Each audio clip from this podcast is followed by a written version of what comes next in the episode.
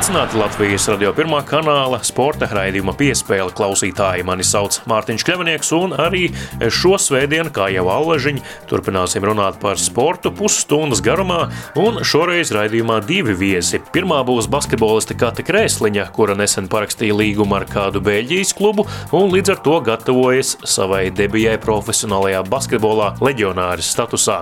Sarunāsimies ar Kati par to, kāds bijis viņas aizvadītais laiks TTT Rīga basketbola komandā un ar kādām vīzijām viņa raugās nākotnē. Savukārt vēl uzzināsim arī par to, kāds dēku stāsts azotē ir pludmales volejbolistam Edgaram Točam. Viņš šonadēļ kopā ar visu ģimeni atgriezās Latvijā no Eģiptes pilsētas Hurgadas, bet ceļš nebūtu nebija vienkāršs. Par to pastāstīs viņš pats. Bet raidījuma pašā sākumā atcerēsimies Šonadēļ mūžībā aizgājušo vienu no visu laiku izcilākajiem Latvijas sportistiem - šķērmetēju Jāni Lūsi. Tas viss jau pēc pavisam īsa brīža.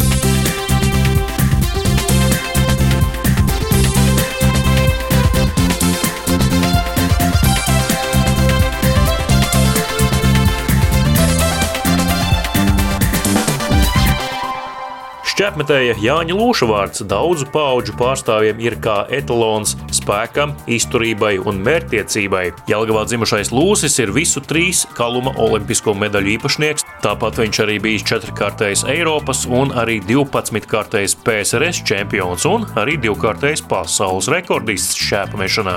1987. gadā Pasaules Vieglatlētikas federācija viņu atzina par visu laiku izcilāko šķēpa metēju pasaulē, bet 2000 2014. gadā viņš uzņemts šīs te federācijas slavas zālē par sevišķu ieguldījumu vieglatlētikā. Jānis Lūsis pēc smagas slimības mūžībā devās šonadēļ, 29. aprīlī, 80 gadu vecumā, nesagaidījis savu 81. dzimšanas dienu. Raidījuma turpinājumā fragments no 2014. gada novembrī ierakstītās sarunas, tolaik Jānis Lūsis gatavojās uzņemšanai Startautiskās Vieglatlētikas federācijas slavas zālē, bet es devos pie viņa ciemos uz Zušu mājām jāpaskatās arī uz karjeru. Nu, mēs mm, daudz jau esam stāstījuši gan Latvijas rādio par uh, jūsu paveikto, un arī interneta vidē tagad modernajā ir atrodams daudz par to.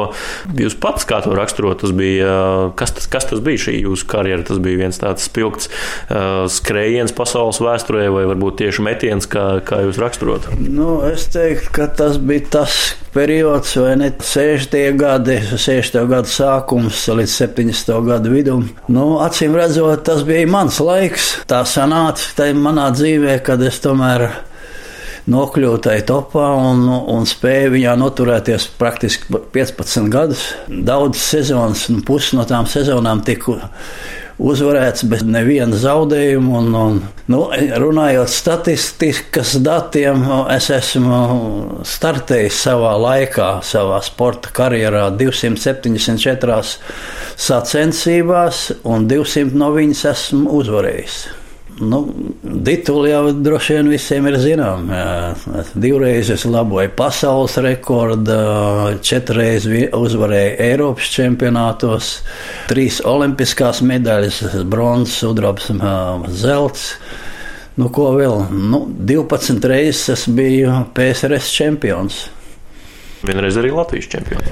Jā, nu, ar to Latvijas čempionu tā tiešām bija, kad vienmēr bija kaut kur ārpus Latvijas jāstartē, un Latvijas čempionāta laikā man neiznāca bieži piedalīties šeit, Republikā. Esot šeit jūsu mājās, Zušos, redzam daudz ķirbju. Rudens vēl šeit ir runājot par godalgām un tituliem, atcīmredzot, jābūt arī daudz medaļām, kausiem. Ir jums tāda slavas siena vai? vai... Nē, man visas medaļas jau kaut kur ir tā aizgājuši. Viena daļa ir Somijā, šķēpmetēju muzejā, viena daļa ir Latvijas sporta muzejā, Jelgavā vēl. Būtībā man mājās praktiski nav pa nevienu gandrīz medaļu vairs palikusi. Jums svarīgs ir tas emocionālais, kas bija tajā sacensībās, tā uzvaras garša, tad nekā tas medālis. Tā teikt, vai kā jūs nu, par to attiecaties? Teik, es teiktu tā, ka uh, sporta būtība tā ir uzvara. Atzīts, acīm redzot, uh, es esmu tāpēc, ka es spēju uzvarēt. Un pietiekoši ilgu periodu, un uh, daudzās sacensībās atgādināja par sevi. Un līdz ar to arī laikam ir tas atzinums arī uz šobrīd. Kad apmeklēju spēļu vicečempionu Olimpiskajā ciematā, Jānis Lūsis nelikās īpaši sarūktināts. Vienās sacensībās viņam nekad nav bijusi tik tālu metienu sērija, kā pāri 88, pāri 89 un pāri 90 metriem. Un tomēr ak šie liktenīgie, mistiskie divi centimetri. Bet tagad intervija ar Jāni Lūsi, kuram nu pieder viss olimpisko medaļu komplekts. Bronza Tokijā zelts Mehiko un sudrabs Minhenē.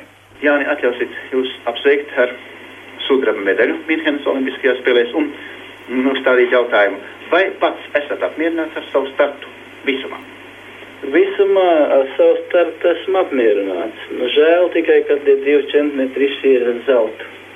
Jūs jau trešo reizi piedalāties Olimpiskajās spēlēs, vai šīm spēlēm bija kaut kas savādāks, es domāju, par šķērpmešanas sacensībām? Nu, šeit es varētu teikt, ka es jau esmu pieredzējis tomēr ļoti pie šāda veida startiem un sevišķi negrieza lielu vērību uz ārējiem apstākļiem. Laikam jautājums ir nevietā. Domāju, teiksim, kur jūs saskatāt zaudējumu? Šo vārdu zaudējumus var likt, es domāju, arī pēdņās. Teiksim, tādu galveno iemeslu, vai, vai psiholoģiskā plāksne, vai vienkārši tā sagadīšanās, vai veiksme, kur ir nepieciešama atbildīgā saruna? Es domāju, ka tā bija tikai sportiskā veiksme. Un manam pretiniekam. Vienīgais apmierinājums man būtu beigt sezonu ar labu rezultātu. Tajā brīdī es biju labākais pasaulē. Viss pirmās vietas ir līdzvērtīgs zeltam. Spēlētājiem gadās slikts, labs spēles sērijas, bet ir jāceļās, jāmāk piecelties un parādīt savu sniegumu. Jūs klausāties Latvijas radio pirmā kanāla sporta raidījuma piespēle studijā Mārtiņš Kļavinieks. Kati Kreisliņa ir viena no savas paudzes talantīgākajām Latvijas basketbolistēm, viena no tām, uz kuras pleciem iespējams jau pavisam drīzā nākotnē balstīsies Latvijas izlases spēle. Tagad Kate savā dzīvē nolēmusi pieņemt jaunu izaicinājumu un pievienojusies Beļģijas klubam Kastors Braine, kuram Latvijas basketbolistes nav svešas, tur spēlējušas virkne Latvijas grozījumu groza bumbas meistaris, un tāpat arī šo komandu savulaik trenēja Ainars Zvirgzdiņš. Lai uzzinātu to, kā gaidāmajam dzīves izaicinājumam gatavojas basketbolista Kati Krēsliņa, ar viņu sarunāšos turpmākajās raidījuma piespēle minūtēs. Nu, vispirms jau uh, jāsveic arī tevi svētkos. No gaidāmais 4. maija arī svētku diena, visa šī tāda svētku četrdiena, un uh, līdz ar to arī jāsveic tevi ar jauno līgumu parakstīto, jo tu esi viena no retajām sportistēm un arī sportistiem Latvijā, kur ir diezgan droši par to, kur viņi nākamā sezonā varētu spēlēt, ja tiešām sezona būs pilnvērtīga. Tā kā apsveicam arī ar to. Paldies! Klau, Kate, nu, kā tad īsti tas viss nonāca līdz līgumam ar Beļģijas klubu? Cik ilgas jau bija tās sarunas, cik ilgi tev vajadzēja domāt, lai piekristu? Tas aptuveni notika pirms kādām divām, trijām nedēļām, kad jau aģents zvanīja un piedāvāja. Nu, dažas dienas, protams, bija jāpadomā, kādas trīs, piecas, es teiktu, ja tā jā, skaitliski jāsaka. Piedāvājums bija labs un man apmierināja. Es zināju, ka es gribu doties kaut kur um, izmēģināt savus spēkus ārpus um, dzimtenes. Man patīk tā saplānot tieši to treniņu grafiku.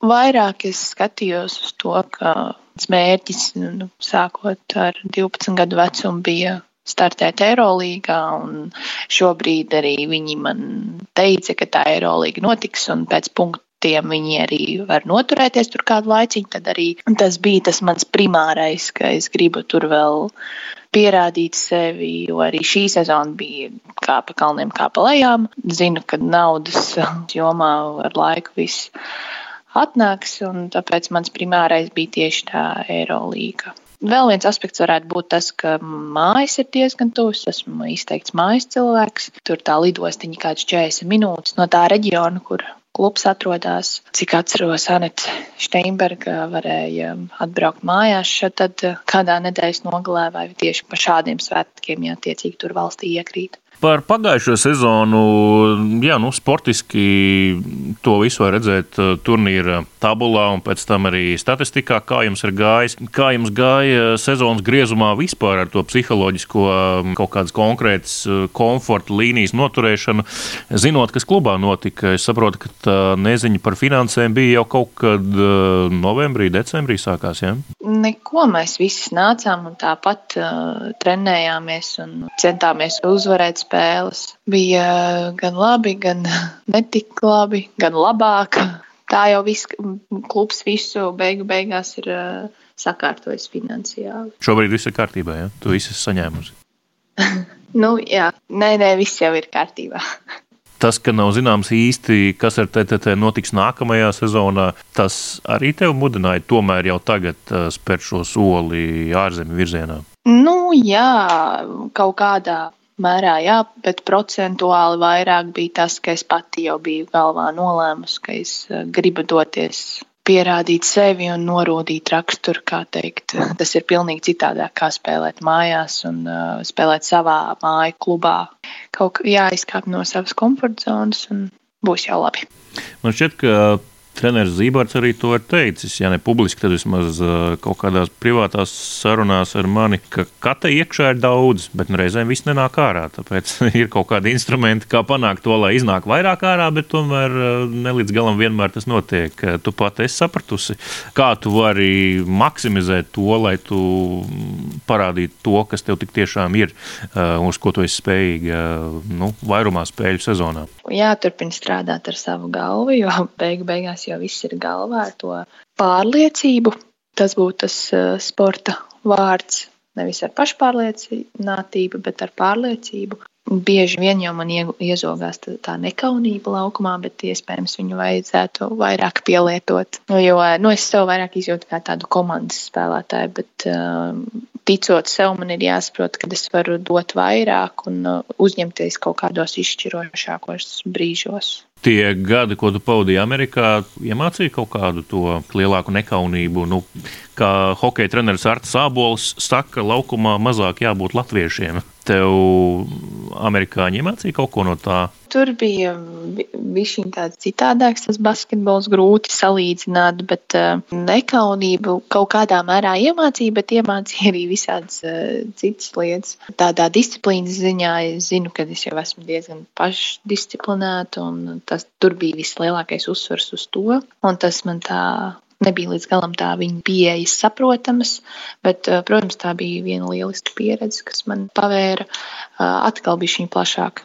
to redzējumu uz, gan uz basketbolu, gan, protams, arī uz citām sadzīviskām lietām. Tas nozīmē, nu es to varētu tulkot tā, ka varbūt tu īsti nepiekriti tam, ko koledžas studenti varbūt piekopi to dzīvesveidu, ko reizēm filmās rādīja, ka nu, notrenējies, izmācies, varbūt, un tad ir lielā ballīte, un varbūt tad atkal kāds treniņš no rīta. Tev tomēr ir cita pieeja tam visam un filozofija. Nu jā, man cits organisms nevarēja tikt līdzi.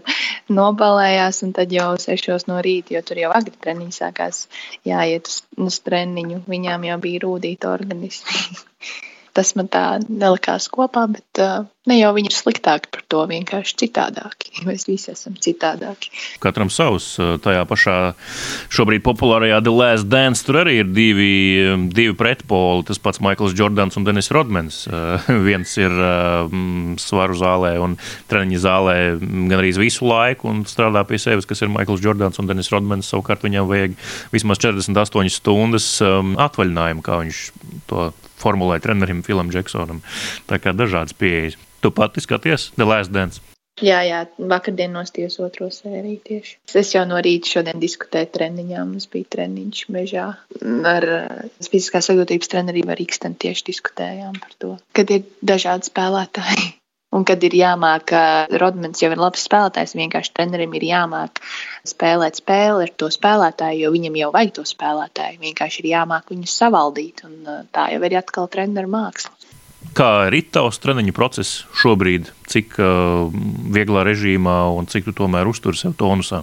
Visu laiku sanāca doties pie Olimpiskā sporta centra, izmēģināt basketbolu ārā grozus. Nu, neizmēģināt, bet tur mētāt un padarboties. Bet, attiecīgi, pirms trijām, divām nedēļām viņu risinājums bija noņemt grozus. Tad es jau priecīgi braucu turieni, skatos, visi grozi noņemti. Bet nekas, es vairāk pievēršos tieši tādām lietām, ko nesenāk darīt sezonas laikā, tieši akcentu uz citām muskuļu grupām. To es daru ar iepriekš minēto Ivaru Ikstenu mežiņā, divi metri. Viss sanāk svaigā gaisā. Mazās muskuļu grupiņas trenēt, lai tās attiecīgi var saturēt lielās muskuļu grupiņas un būtu mazāks traumu risks.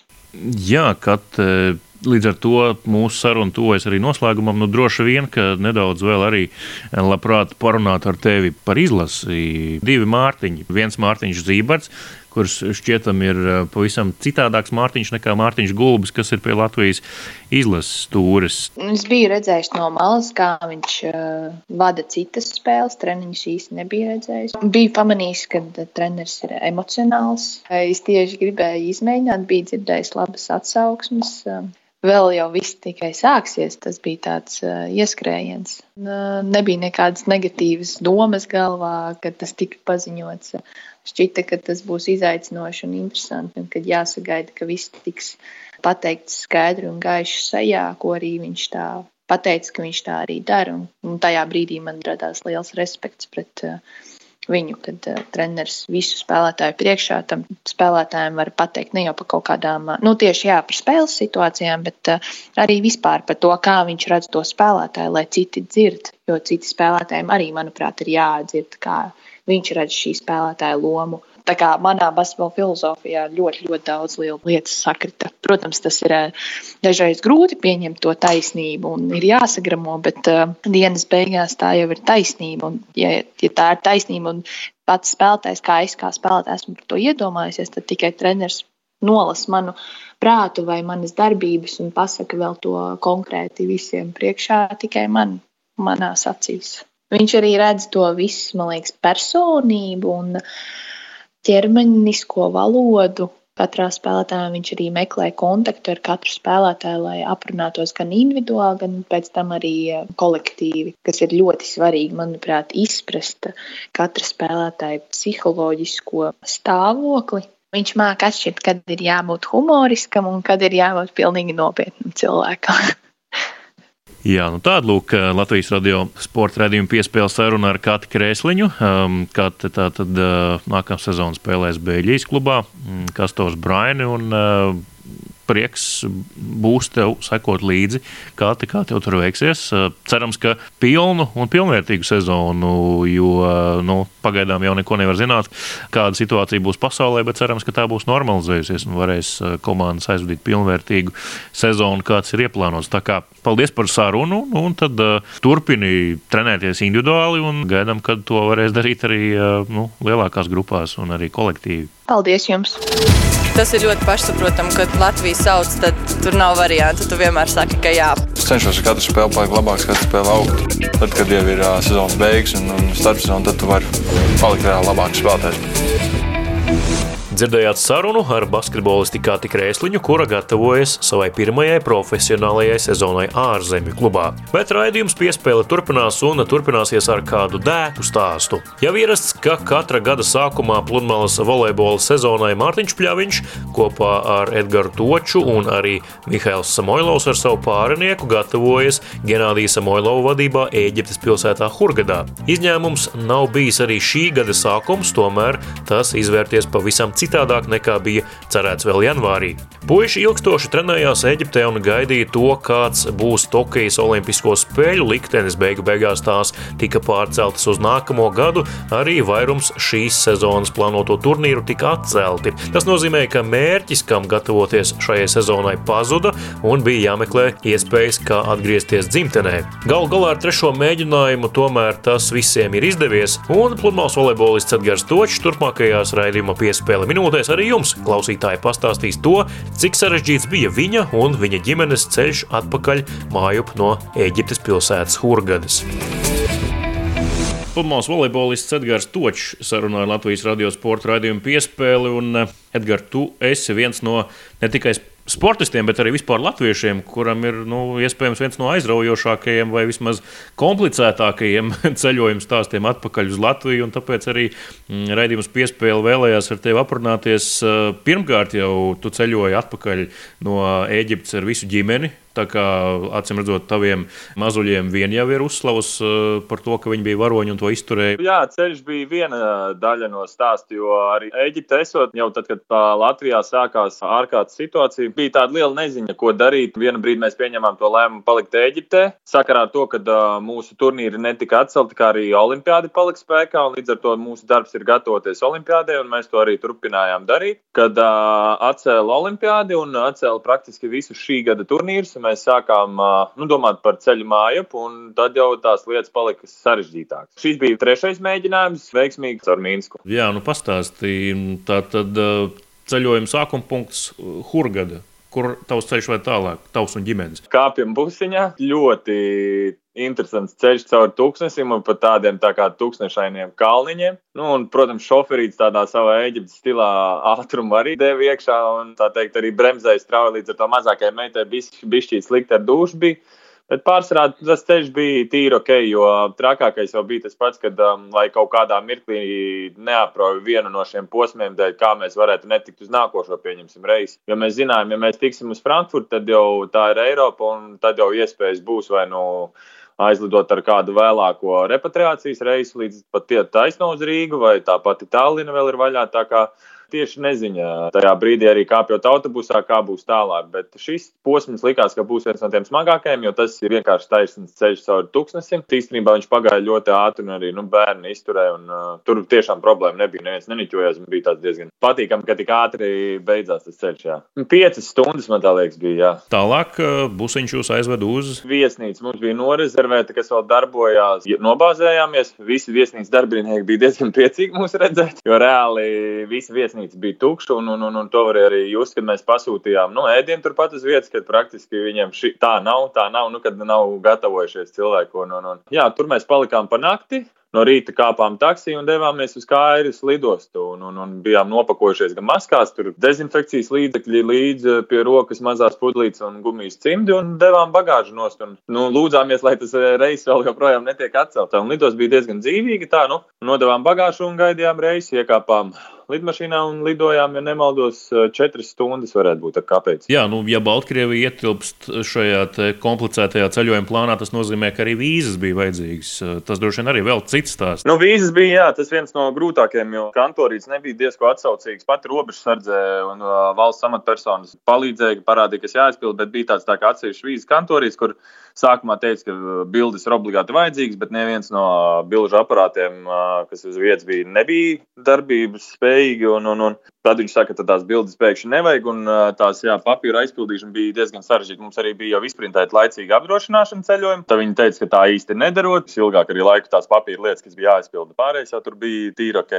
Daudz arī bija pretīm nākoši, tur parādīja, kas jāizpilda un redzēja, ka mēs esam bērniem. Un, uh, ka Nedbora nebrauca vienkārši atpūtas braucienā, un visi jau saprot, pārsvarā visu reizi, kas notiek, ir vai, lai nokļūtu uz mājām vai pie saviem tuviniekiem. Un no Mīnskas uh, līdz robežai, kāds tas bija, ar ko? Izgājām no tādas sanāktās tranzītzonas un uh, sapratām, ka nav bagāžas, aizpildījām pieteikumu pazudušajai bagāžai, kas arī izstāsta, ka būs iesprūdus, kamēr robeža netaisīs vaļā. Mūs sagaidīja iepriekš sarunāts. Uh, taksists, kas ved līdz nu, pie robežas, jo tieši robežā viņš nedrīkst iebraukt. Tas puisis mūs aizveda līdz robežai, izlaida, un tas aizņēma, tā liekas, viss brauciens bija ap divām ar pusi stundām, ja nemaldos. Jā. Un bija arī iekšā dezinfekcijas līdzeklis un arī internets, lai varētu sarakstīties otru robežas pusi. Un, no sagaidītājiem, kas mūs tur sagaidīja. Līdz ar to tas ļoti atviegloja situāciju. Un tad jau tas kilometru gājiens pāri robežai, un tad milzīgi atvieglojums sajūta. Ja? Nu, tas bija tāds jā, interesanti, ka 21. gadsimtā, kad cilvēki jā, jāizlaiž ir kilometrus pirms un jāiet basām kājām, gandrīz vai čībiņās, tas jau tulītās Latvijā. Un Nu, atvieglojums sajūta, ka tu tiešām esi un ka būs, ja nu kaut kādas trobeles sāksies, tad būs cilvēks par tevi parūpēsies. Nevienalga, vai tas būtu zobārsts vai vienkārši ārsts ģimenes, kas tev varētu pateikt, palīdzēt. Kaut vai, protams, mūsu pašlaik tas nav baigi vienkārši, bet nu, man kaut kāda ticība tai Latvijas medicīnai un, un, un Latvijas sistēmai lielāka nekā Eģiptes. Nu, tagad uh, divas nedēļas karantīnā visi ģimenēm. Ja? Nu, sākums ir e, ļoti labs. Kārtojam māju katru dienu. Ar bērniem tas ir sarežģītāk, jo tas ir nebeidzamais stāsts, kad sakārto un uzreiz tā māja tiek sajaukt. Nu, mums ir dzīvoklīds, līdz ar to tas varbūt tās bija šī situācija vairāk apgrūtina. Mums gan ir balkoniņš, kur var iziet pasēdēt, bet jā, nav pagalmiņa, kur varētu iziet ārā. Un ir televizors, vingrošanas iespējas, tā kā ir arī savs laiciņš mājā jāpavada. Es jau tāpat uh, bieži vien arī brīvlaikā, kad nav sezonas, patīk mājās sēdēt un neko nedarīt. Kā tu uztvert šo Eģiptē pavadīto laiku? Tas nu, pilnībā jau nav vējā izmests, bet tomēr lielā mērā, ja par fizisko runājam, droši vien, ka ir vai ne? Zini, no tāda viedokļa, kad uh, sezonas sākumā man bija problēmas ar vienu kāju, varētu teikt, pat ilgi ievilkās. Es šo varbūt tās kancelēšanu uzskatu kā vēl vienu iespēju. Protams, ļoti liela neskaidrība par olimpiādi, bet uh, Es neuzskatu, ka Olimpijāda ir tikai viens mērķis, kāpēc mēs to visi darām. Sports ir sports, un uh, noteikumi pašlaik visiem ir vieni. Un uh, klinta nav mesta krūmos, bet es uzskatu, ka šī ir iespēja skatīties lietām savādāk. Jā, protams, tā ir nauda, nespēsim nopelnīt, būs jāpadomā par citām lietām, un mēs esam ļoti pateicīgi cilvēkiem, kas arī sponsoriem, kas mūs turpina atbalstīt. Mans plāns situācijas ir izsēdēt karantīnu un doties savu dzimto pusi, Madonu kur uh, Madonas uh, pašvaldība un Smeceres sila komplekss ir panācis mums pretī un uh, palīdzēs ar izmitināšanu. Tajā sporta kompleksā man tur būs unikāla iespēja nodarboties ar sportu, trenēties, braukt ar velo.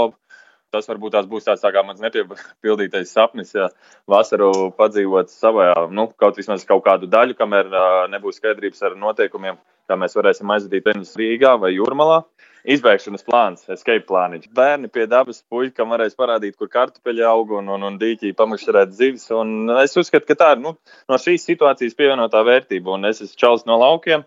Katrā ziņā mācīšu gan ogas mežā salasīt, gan teikt, cūku nokot un vistas pabarot. Tā kā nu, jāmeklē iespējas. Mēs jau redzam interneta vidē, kad arī daudzi sportisti kam neklājas tik viegli, meklē visādas alternatīvas, kā piepelnīties. Un uh, ir vienkārši jādara, jo laiki mainās. Vienkārši jāmeklē izēja. Mārtiņš, kā Rīgas puika, paliks Rīgā? Nezinu, viņam arī sieva no Kuldīgas, tā kā kaut kur vecās arī lauku mājas, tā kā es domāju, viņam jau ar kaut kādu plānu ir. Ko uh, Edgars Točs uh, ir saplānojis savā brīvajā, neaktīvajā laikā darīt, tad, kad ir nu, tāds dīvainās sēžamais laiks, un, un, un ko tu patērē grāmatas, uh, kādu seriālu? Sāku lasīt grāmatas, man ļoti patīk par Otro pasaules karu. Tad uh, tagad liela ažiotāža ap Maikla Jordana pēdējā dēļa. Jā, pastījos jau četras sērijas, un, un, un, un ļoti pat, nu, tāds e, interesants gabals, jā, tā kā tajos laikos, kādas tās personības, tas pats Rodmans un Pipens, e, nu, spēcīgs, spēcīgs, labs gabals. Un, Ir ko darīt, ir ko darīt. Un, protams, vēl laiku pavada bērniem. Kaut cik mēģinām tā teikt, nekliegt viens uz otru, jo bija šī arī saspīlējumi mājās. visas nerviem, tāpēc, ka neviens netiek ārā izlādēties, kur nu katrs savos darbos. Bet, nu, jā, nu, tāda ir tā situācija un jāmēģina pieslīpēties. Un, protams, gatavoju ēst. Man patīk gatavot ēst. Gaļiņas marinēju. Katru dienu mazgājam grīdu, jo tā tā diena ļoti ātri paiet. Un mēs jau vakarā pusē atskārtam, ka jau ir pulkstenis deviņi jāiet gulēt. Bet mazie neiet gulēt pagaidām ātrāk par desmitiem. Tā ir lielākā problēma. Bet ir arī savs pluss. Viņi ilgāk no rīta guļ. Paldies, Edgars, par, par sarunu. Edgars Točs bija raidījuma piespēles sarunu biedrs šobrīd. Un, tiešām liels prieks, ka esat nokļuvuši mājās. Līdz ar to uz dzimtenes zemes varat pavadīt šo laiku, kas laikam jau tomēr ir vislabākais. Tā kā paldies par sarunu un nu, lai veicas, lai veicas ikdienā un lai ģimene ir saticīga un draudzīga arī šajā saspīlētajā laikā, kad ilgi jāpavada vienam ar otru kopā. Paldies, ka uzzvanījāt. Bija patīkami. Līdz ar to arī izskan šī gada maija pirmais raidījums piespēle. To vadīju un veidoju es, Mārtiņš Kļavnieks, par labskaņu parūpējās Nora Mītspapa. Joprojām atgādinu, ka regulāri jāmazgā rokas, jāievēro gan sociālā, gan fiziskā distancēšanās, un iespējams jau 12. maijā būs pēdējā ārkārtas stāvokļa diena Latvijā. Tas šoreiz raidījumā piespēle arī viss uz sadzirdēšanos.